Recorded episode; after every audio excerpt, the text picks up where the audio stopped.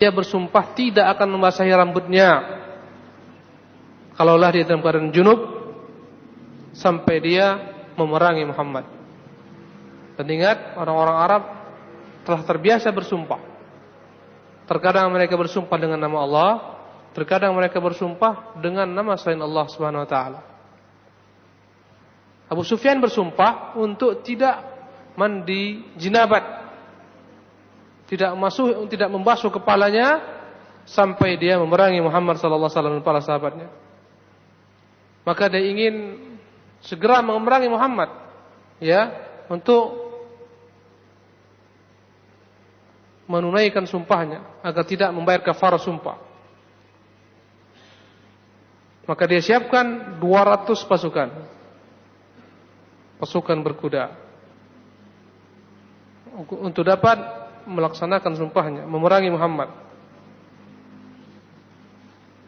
Berangkatlah dia dengan 200 pasukan berkuda sampai di sebuah tempat daerah pegunungan namanya Nib dari arah Madinah. yang masih di luar kota Madinah, telah berdekatan dengan negeri Madinah. Tapi dia tidak berani langsung menyerang Madinah dengan terang-terangan. Maka dia membuat siasat yang sebenarnya mirip dengan siasat para perampok. Tidak dengan terang-terangan.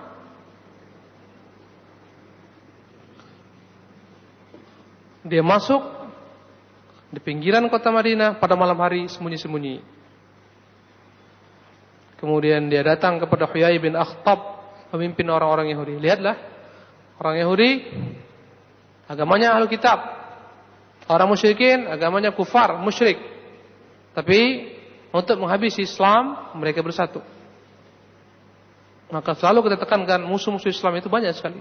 Dari dalam, dari luar. Walaupun berbeda-beda mereka agamanya, sektenya, madhabnya. Tapi bersepakat mereka untuk al-qadha al-Islam, habis Islam. Dia ketuk pintu rumah Huyai bin Akhtab, pemimpin Yahudi. Dia minta agar diberikan kesempatan masuk rumah berjumpa dengannya, tapi Huyai bin Akhtab takut melanggar perjanjian dengan Rasulullah sallallahu alaihi wasallam. Maka dia berangkat kepada Salam bin Mishkam, pemimpin orang-orang Yahudi juga dari Bani Nadir. Dialah pemimpinnya. Maka dia ketuk pintu dan masuk ke rumah Yahudi ini. Kemudian dia dijamu, dia minum khamar, kemudian dia terangkan keinginannya untuk mengecoh orang-orang Madinah. Maka setelah itu dia berangkat dengan sahabat-sahabatnya melihat keadaan aman, sembunyi-sembunyi mereka masuk ke dalam kota Madinah. Kemudian mereka dapati di ujung kota Madinah yang bernama Al-Arid ada unta-unta kaum muslimin. Ada kebun kaum muslimin. Kebun kurma kaum muslimin. Maka segera mereka seperti perampok. Mereka bunuh dua penjaga di sana, mereka ambil kurma-kurma kaum muslimin, kemudian mereka lari menuju Makkah.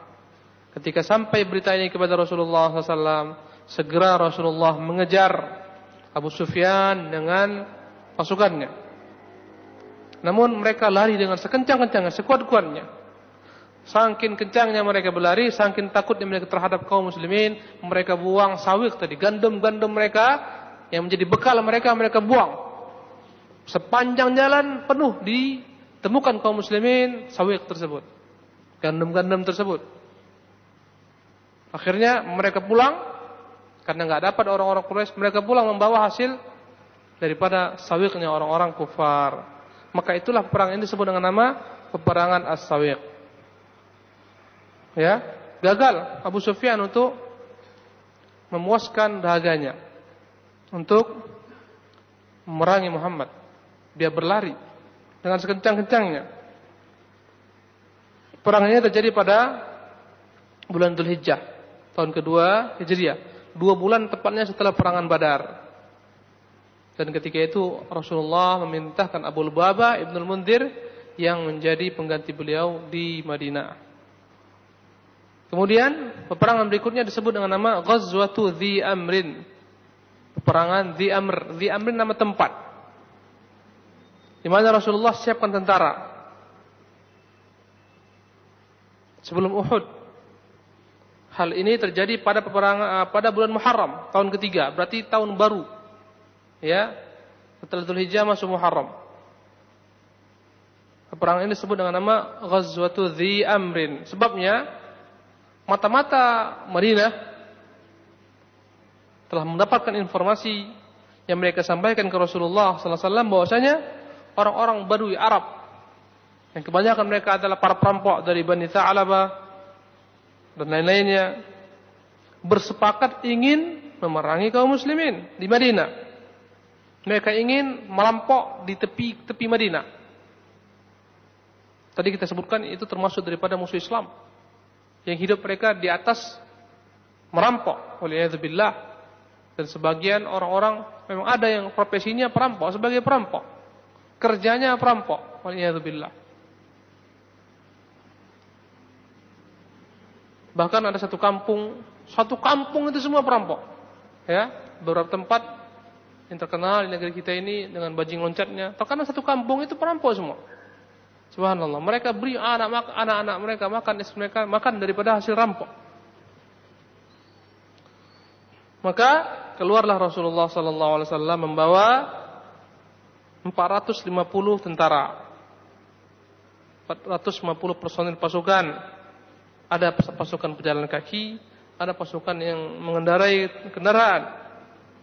Dan beliau tinggalkan Uthman bin Affan sebagai pengganti beliau di Madinah. Di tengah jalan mereka berhasil menangkap seorang musyrik, seorang daripada perampok tersebut yang bernama Jabbar, ya dari Bani Thalabah. Kemudian dia ditangkap, dibawa ke Rasulullah, didakwa Islam. Kemudian dia pun Islam dan baik Islamnya. Seorang perampok, ya, walaupun keras hatinya, tapi ketika datang padanya petunjuk kebenaran menjadi lembut dan dia Islam.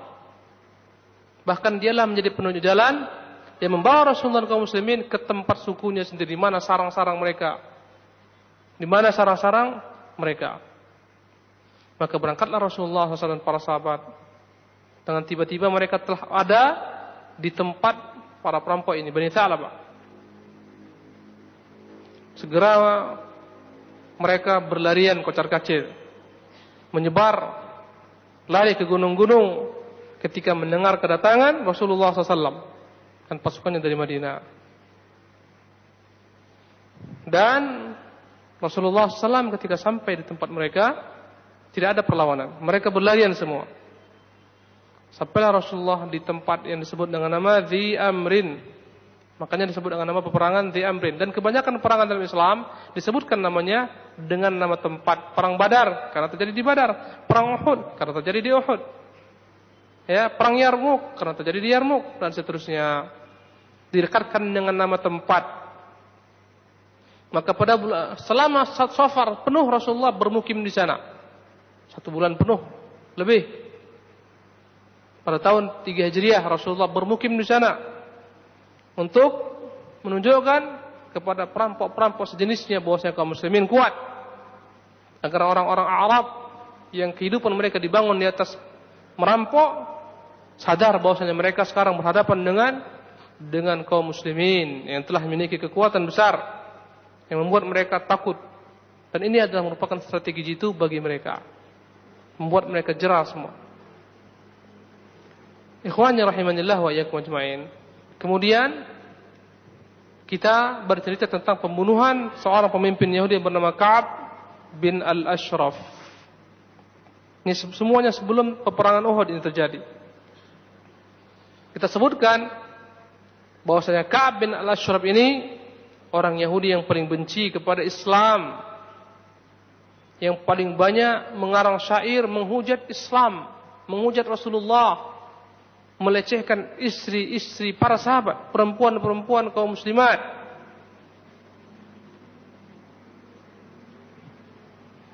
Dalam syair-syairnya dia sengaja membangkitkan semangat untuk memerangi kaum muslimin. Asalnya daripada kabilah Tai, ibunya dari Bani Nadir, Yahudi Bani Nadir. Ka'ab bin al-Ashraf ini orang yang kaya, kaya raya, memiliki harta yang banyak, terkenal dengan kekayaannya dan ketampanannya di bangsa Arab, terkenal dengan fasihnya berbicara dalam syair, seorang penyair, dan dia punya benteng, ya, villa, tapi lebih daripada sekitar villa, benteng di arah timur kota Madinah. Di belakang kampungnya Bani Nadir tepat. Bani Nadir adalah merupakan suku Yahudi juga.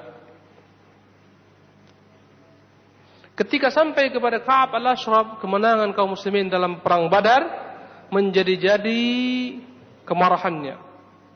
Ketika terbunuh pahlawan-pahlawan orang-orang musyrikin semakin hebat kebenciannya dan begitulah orang-orang kufar begitulah a'daul Islam musuh-musuh Islam musuh-musuh ahlu sunnah senantiasa mereka menunggu kabar yang membuat mereka gembira.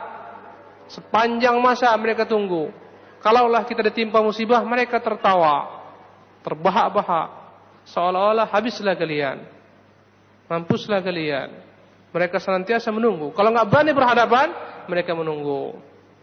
Kalau andai kata kita diberikan Allah SWT kemenangan, keluasan, dakwah semakin tersebar, dan seterusnya, mereka akan semakin marah. Begitu juga dengan Ka'ab al-Ashraf. Ketika mendengar terbunuhnya orang-orang kufar Quraisy, dia bertanya dengan tidak percaya.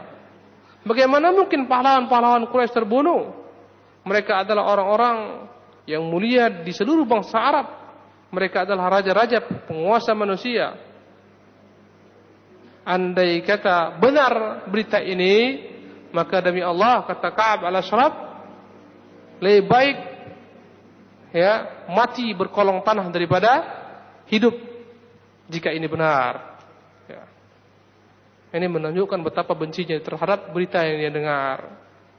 Dan itu biasa ikhwan rahimakumullah. Apa pun yang menimpa kaum muslimin, menimpa ahlu sunnah, itu musuh-musuh Islam akan senang, ya. Rumah antum terbakar, dia akan senang itu. Radio antum terbakar, dia akan tertawa. Biasa itu. Begitulah seterusnya.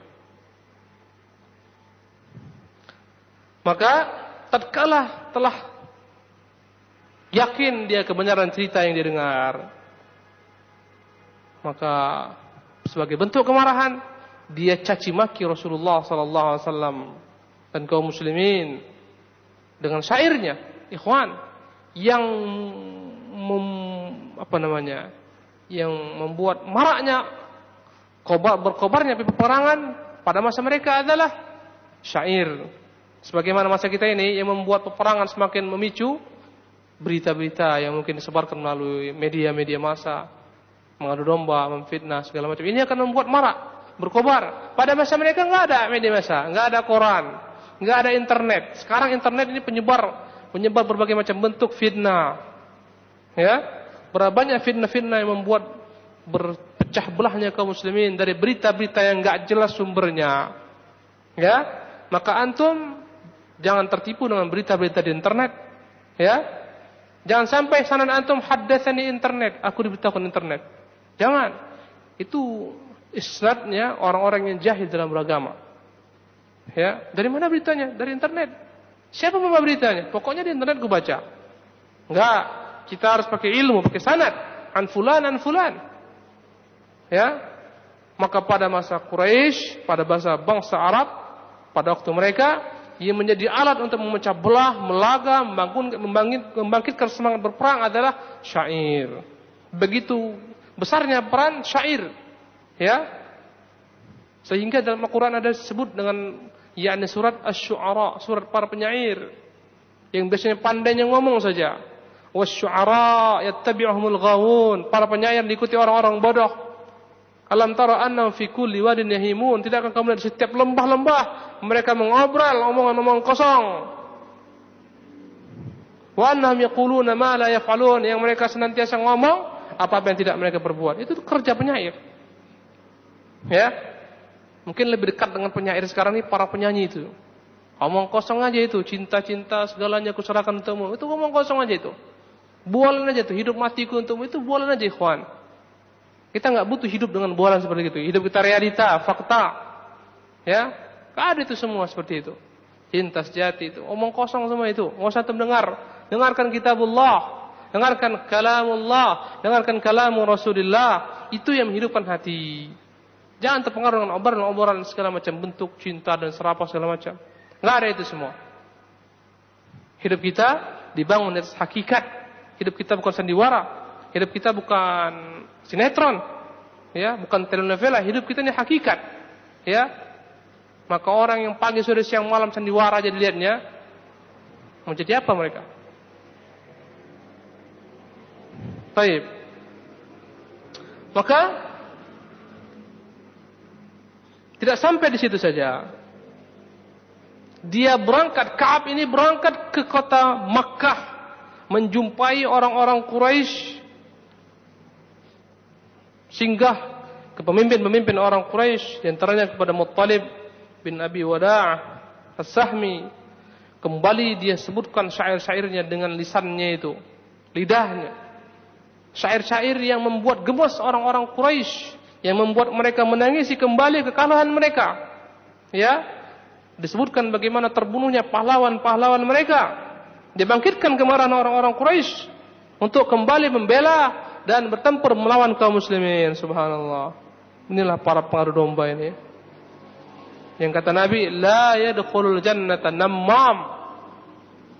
Tidak akan masuk surga pengadu domba.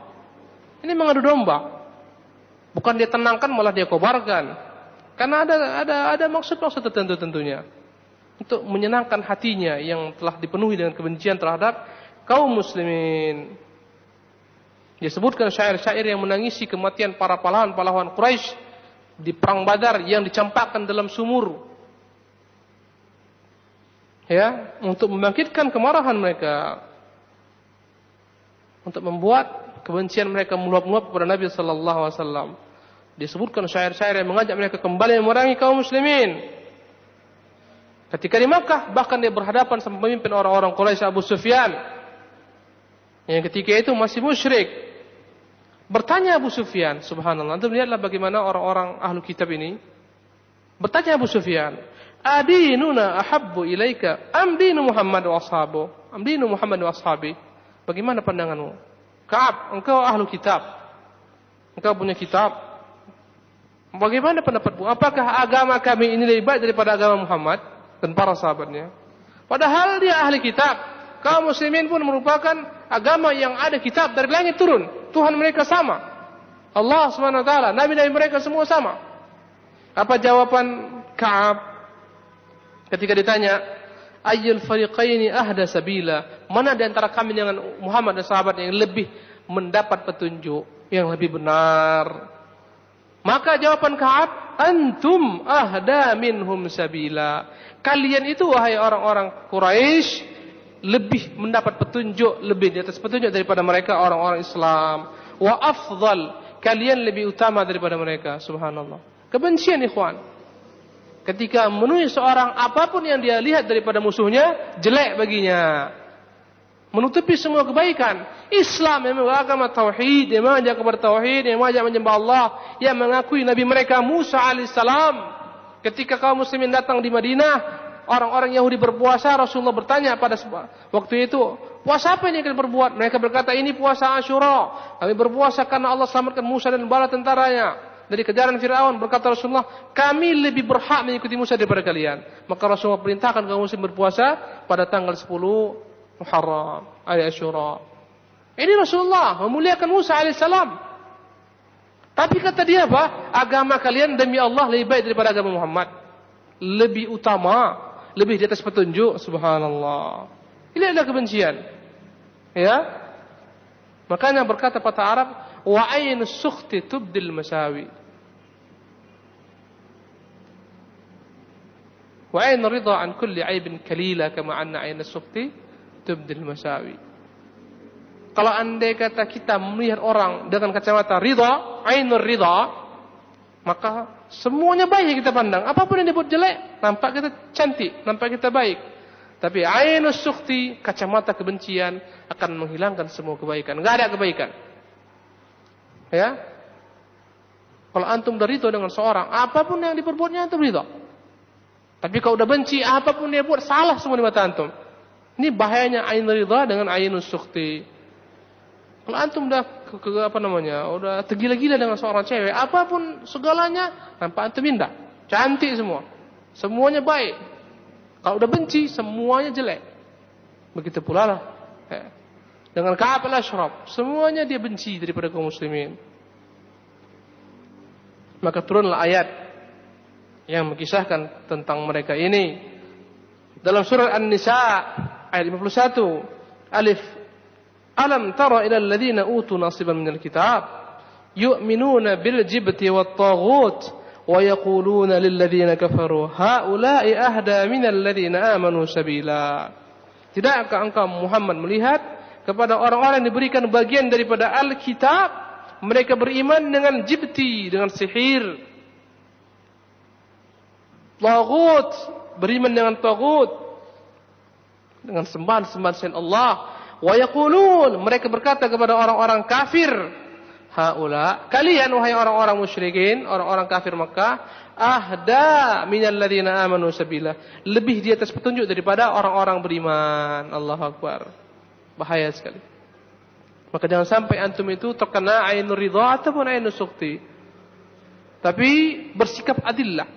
Makanya kita diperintahkan adil walaupun kepada musuh-musuh kita sekalipun. Allah katakan wala yajrimannakum syana'anu qaumin ala alla ta'dilu. Jangan sampai kebencian kalian kepada suatu kaum membuat tidak berlaku adil. I'dilu, berbuat adillah huwa aqrabu taqwa. Itu lebih baik, lebih dekat daripada ketakwaan. Kalau udah enggak adil, ya udah. Ridhonya berlebihan, semuanya baik.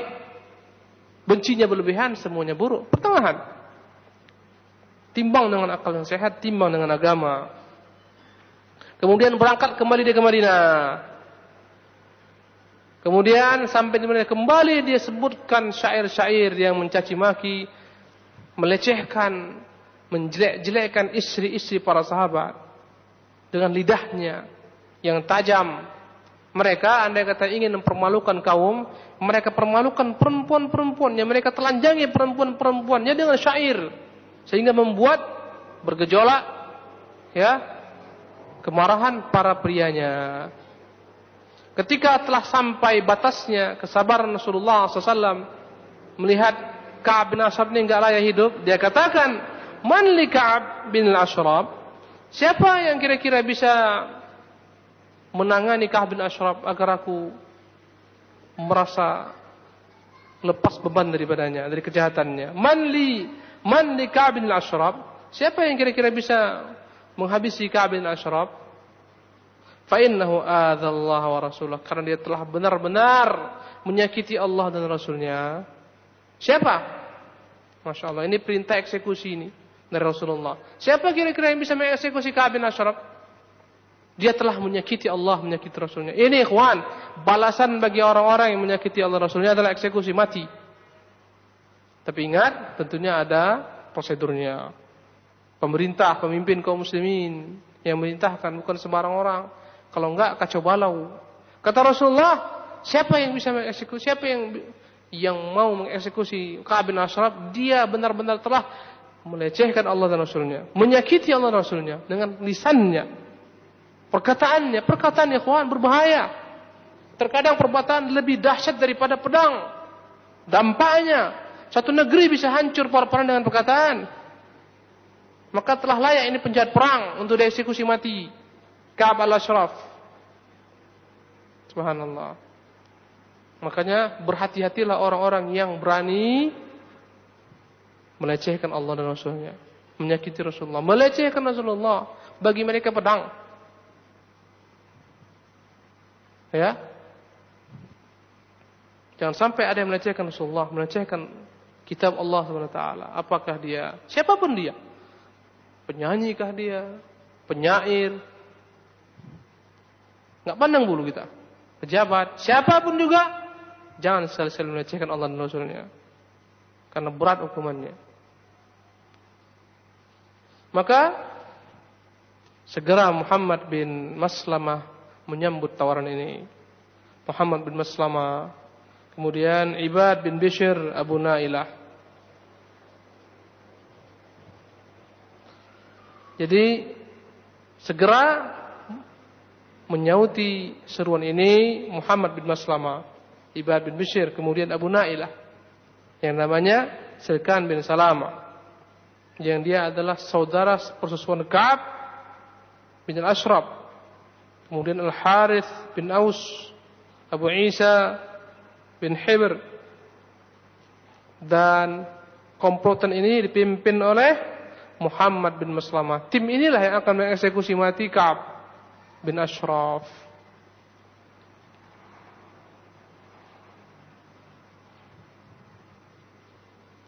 Maka ketika itu Muhammad bin Maslamah minta izin kepada Rasulullah agar membuat siasat untuk menghabisinya.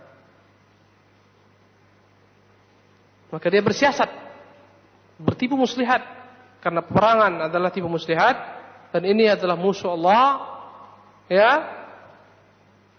Dan ini perangan dan ini penjahat perang. Berangkatlah Muhammad bin Maslamah mendatangi Ka'ab al-Ashraf orang Yahudi ini. Dia berkata, "Inna hadzal rajul qad sa'alana sadaqah wa innahu qad anana." Disebutkan tentang Rasulullah. Bagaimana pendapatmu Ka'ab? Orang ini, yakni maksudnya Rasulullah, telah terlampau berlebihan meminta daripada kita harta kita sedekah. Katanya sedekah. Membuat kita letih. Berkata Ka'ab, "Wallahi la tumillan la tumillunna." Berkata Ka'ab, "Oh, kalau begitu, kenapa kau tidak perangi saja dia?" Subhanallah. Ya. Langsung seketika nampak kebenciannya. Ini orang ini, maksudnya Muhammad wasallam. Berkata Muhammad bin Maslamah, berpura-pura. Ini orang ini telah menyulitkan kita saja. Minta sedekah, minta harta kita. Berkata kenapa kan perangi aja, ramai-ramai. Berkata ketika itu Muhammad bin Maslamah, tapi sayangnya kami telah mengikuti agamanya. Kami tidak ingin meninggalkan dia sampai kami lihat nanti bagaimana bagaimana keadaan terakhirnya. Apa yang terjadi dengannya. Karena itu pinjamilah kami dulu Ya, sebagian daripada hasil panen kurma-kurmamu itu satu wasak atau dua wasak, berikanlah kepada uang pinjaman. Berkata Kaab, baik, ku bantu kalian. Tapi kira-kira apa jaminannya? Kata Ibnu Maslamah, apa yang kau inginkan jadi jaminan? Berkata Ka'ab al-Ashraf, jaminkan bagiku istri-istri kalian. Subhanallah. Katanya jaminannya apa? Istri-istri kalian. Berkata Muhammad bin Maslamah, bagaimana kami jaminkan istri kami untuk kamu? Engkau orang yang paling gagah, istrimu yang paling cantik, enggak butuh kau istri kami. Berkata Ka'ab bin Ashraf, iya juga. Kalau begitu jaminkan untukku anak-anak kalian. Apa kata Muhammad bin Maslamah? Anak-anak kami Bagaimana kami mungkin menjadikan anak-anak kami sebagai jaminannya? Dia celah-celah anak-anak kami, nggak ada yang baik, nggak ada yang bagus. Hina rasanya anda yang kata mereka dijadikan jaminan untuk meminjam satu wasak, dua wasak daripada kurma kalian. Ini adalah keinginan bagi kami. Bagaimana kalau anda kata kami jadikan jaminannya? yakni pedang-pedang kami, senjata-senjata perang.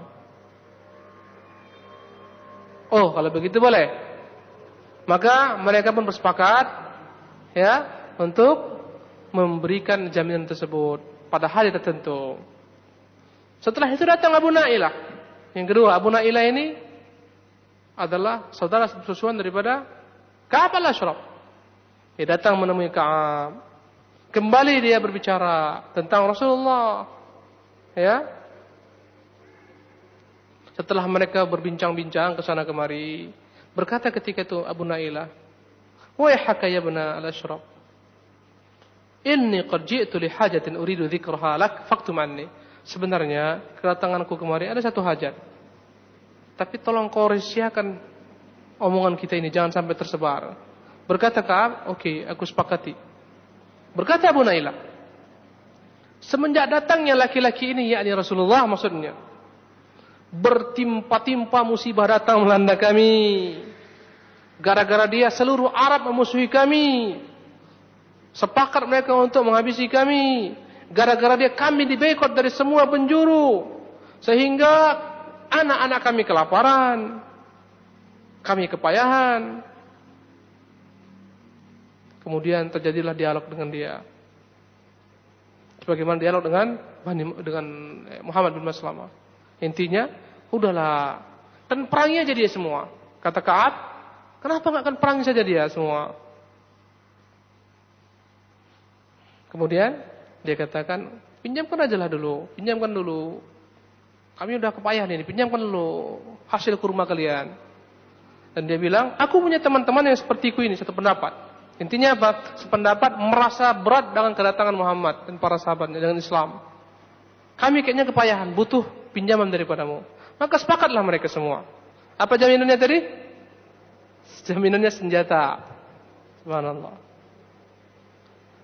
Maka pada malam 14 itu pas terang bulan dari bulan Rabiul Awal tahun ketiga Hijriah berkumpullah komplotan kecil ini.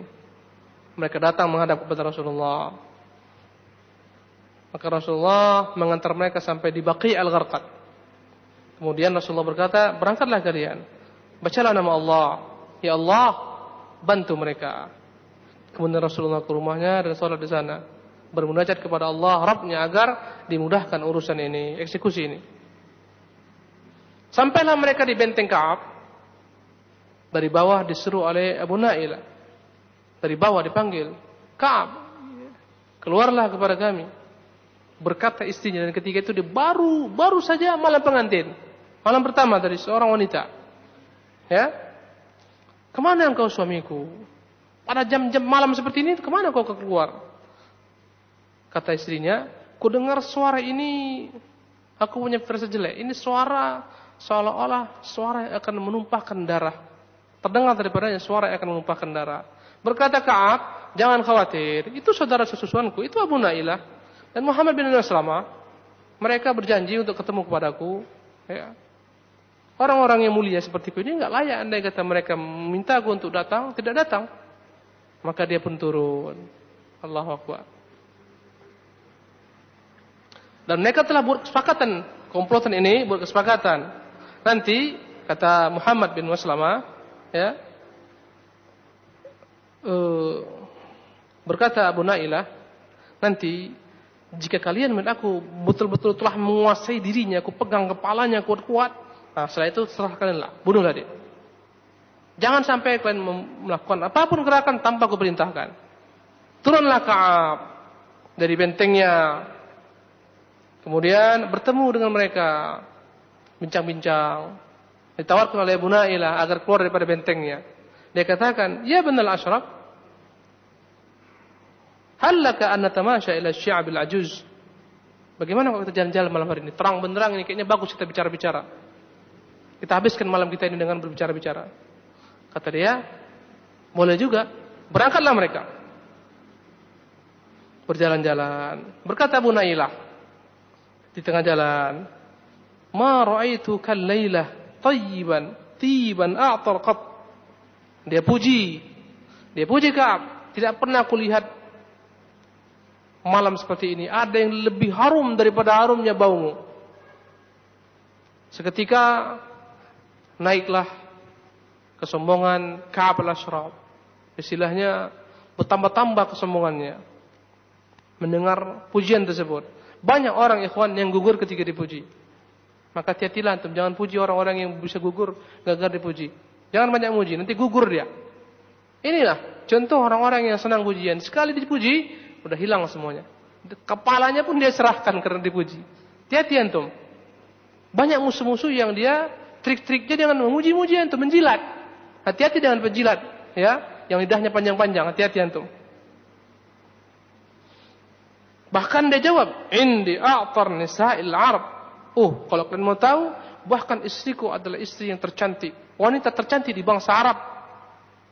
Berkata Abu Abu Nailah, "Oh, kalau begitu berikan aku kesempatan. Aku ingin mencium rambutmu. Harum rambutmu ini membuat aku begitu begitu senang menciumnya. Bolehkah aku mendekat dan mencium kepalamu?" Kata dia, "Silakan." Maka dia pegang kepalanya, dia cium.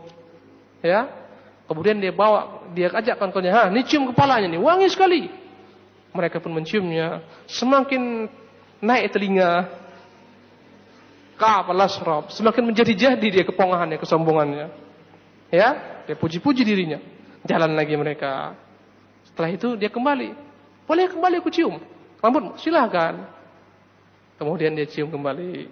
Jalan lagi mereka. Supaya jangan curiga dia.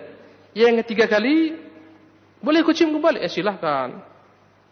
Kemudian dia pegang kepalanya, dia cium pura-pura. Kemudian sekuat-kuatnya dia dia dia pegang rambutnya, dia jambak, dia tarik. Kemudian dia katakan kepada kawannya, Donaku madu Allah. Sekarang waktunya, bunuh. Seketika mereka siapkan pedang-pedang mereka, mereka hunus, mereka babak, mereka tikamkan. Tetapi subhanallah, kapalah kuat sekali dia. Kayak enggak ada arti serangan-serangan bertubi-tubi itu. Sampai akhirnya Muhammad bin Maslama ketika itu mm, ada uh, cangkul, pakai cangkul itu dihabisi dia. Subhanallah. Menjerit sekuat-kuatnya. Kapal Ashraf. Matilah dia. Suaranya ini dengar oleh orang-orang sekitar benteng. Ya. Maka malam hari itu heboh Masing-masing benteng-benteng itu menghidupkan api. Suara apa yang mereka dengar? Taulah mereka ternyata telah terbunuh Ka'ab al-Ashraf. Berangkatlah tim ini menuju Rasulullah. Mereka gorok kepalanya. mereka sembeli kepalanya. Ini musuh Allah Subhanahu wa taala Mereka berangkat. Ternyata Al-Harith bin Aus terkena sabitan pedang kawan-kawannya sendiri sehingga dia terluka dan datang terlambat. Mereka tunggu-tunggu mana ini Aus? Sampai akhirnya datanglah Aus, diikutinya jejak-jejak sahabatnya dalam terluka. Sampailah mereka kepada Rasulullah SAW. Sampai mereka di tempat Nabi, mereka bertakbir. Rasulullah mendengar takbir mereka. Yakinlah mereka Rasulullah, mereka telah berhasil membunuhnya. Dia pun bertakbir. Kemudian dia katakan, Aflahatil wujuh, alangkah beruntungnya wajah-wajah kalian ini. Qalu wa wajhuka ya Rasulullah. Dan demikian juga wajahmu ya Rasulullah. Kemudian mereka lemparkan kepala Ka'ab al-Ashraf. Inilah taghiyah. Inilah pemimpin daripada orang-orang kufar. Maka Rasulullah muji Allah SWT. Kemudian adapun Al-Harith tadi, ya, yang terluka, Rasulullah ludahi lukanya, maka seketika sembuh dan tidak pernah dia mersakitkan luka tersebut. Taulah orang-orang Yahudi bahwasanya kaum muslimin enggak main-main. Sebelumnya orang-orang Yahudi melecehkan. Antum lihat, ya, ketika Bani Qainuqa diperingatkan Rasulullah, "Hai Bani Qainuqa, hati-hatilah kalian. Jangan kalian melawan Allah dan Rasulnya."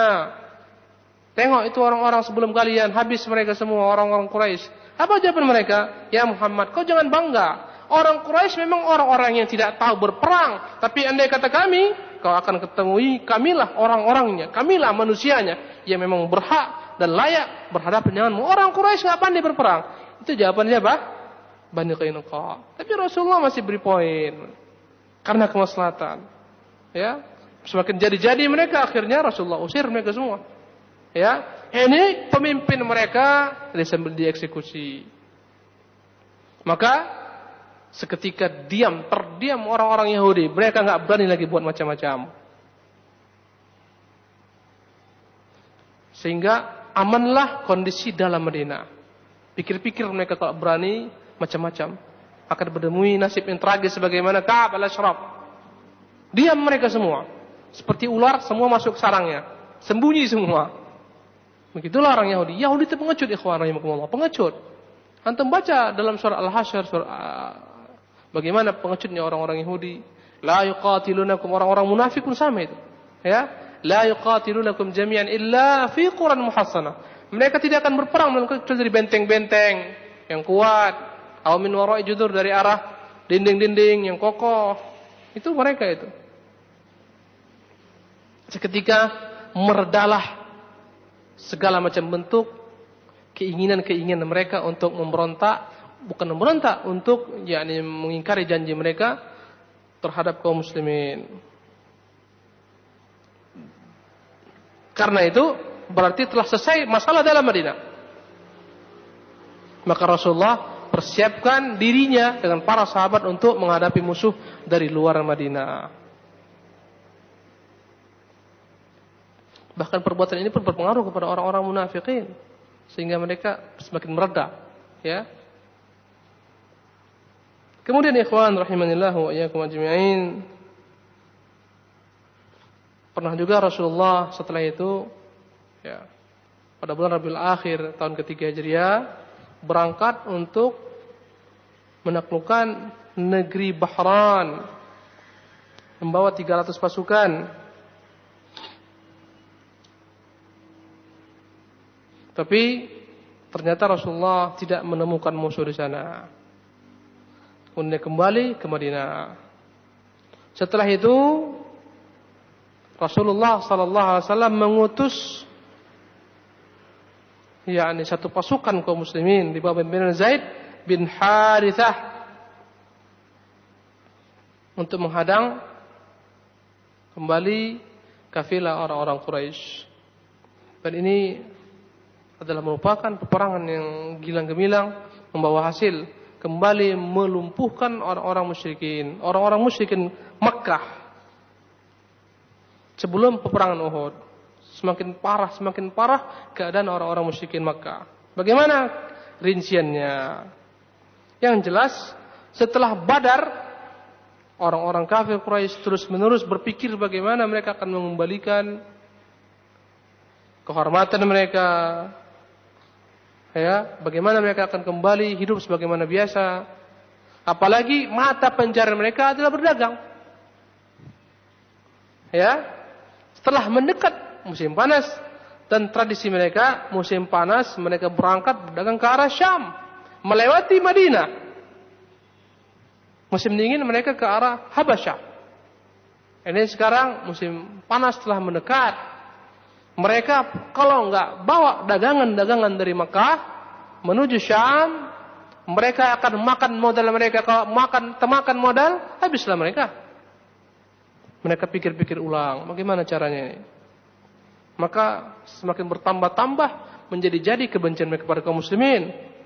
Semakin parah kesedihan mereka. Telah terbunuh para pemimpin mereka. Sekarang untuk berangkat ke negeri Syam, mereka pun berpikir-pikir beribu kali. Kalau nggak berangkat, habis modal mereka habis. Temakan modal. Kalau modal udah habis, bagaimana lagi mau berusaha? Maka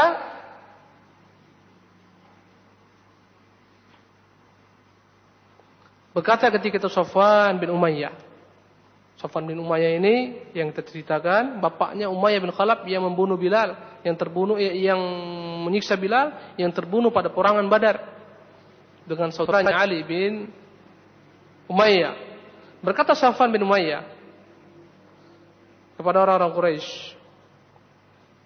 karena dia pada ini dipilih orang-orang Quraisy sebagai pemimpin kafilah berdagang yang membawa yakni hasil-hasil perdagangan orang-orang kufar Quraisy ke negeri Syam. Apa kata dia? Muhammad dan para sahabatnya berbahaya untuk misi kita ini. Untuk perdagangan kita ini. Kita nggak tahu apa yang kita harus buat sekarang. Apa yang kita harus berbuat agar lepas daripada Muhammad dan para sahabatnya. Padahal mereka senantiasa akan menunggu, mengintai kita di tepi pantai sana, arah ke Syam. Mereka tidak pernah tinggalkan tepi pantai. Bahkan orang-orang di sekitar tempat sana daripada para orang-orang Arabi Badui yang dahulu kita katakan hidup mereka dengan rampak pun semuanya telah melarikan diri. Dikuasai oleh Muhammad dan para sahabat-sahabatnya.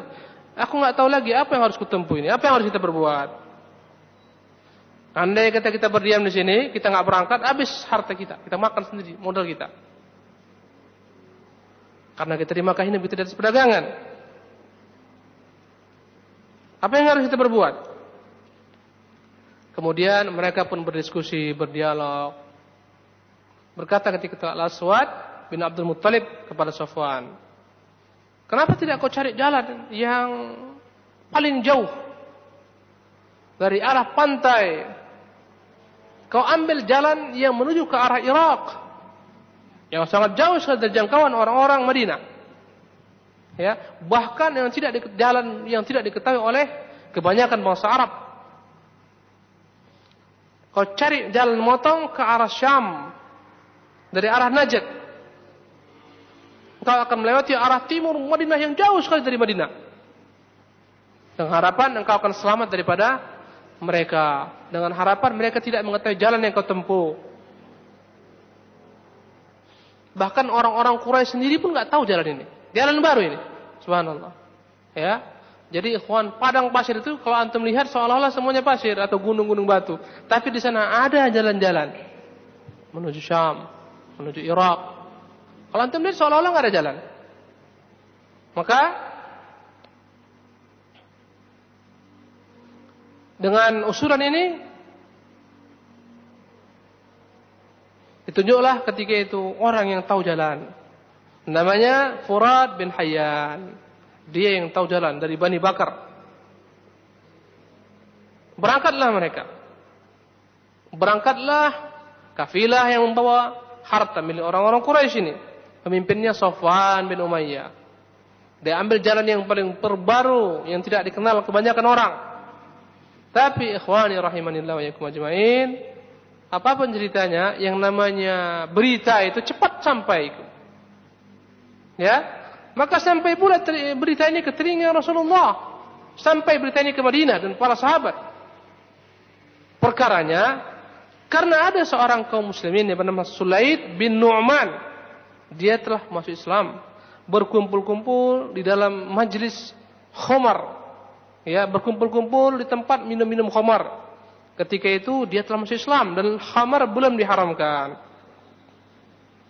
Kumpullah dia dengan Nuaim bin Mas'ud al-Ashja'i. Ketika itu belum masuk Islam. Nuaim bin Mas'ud.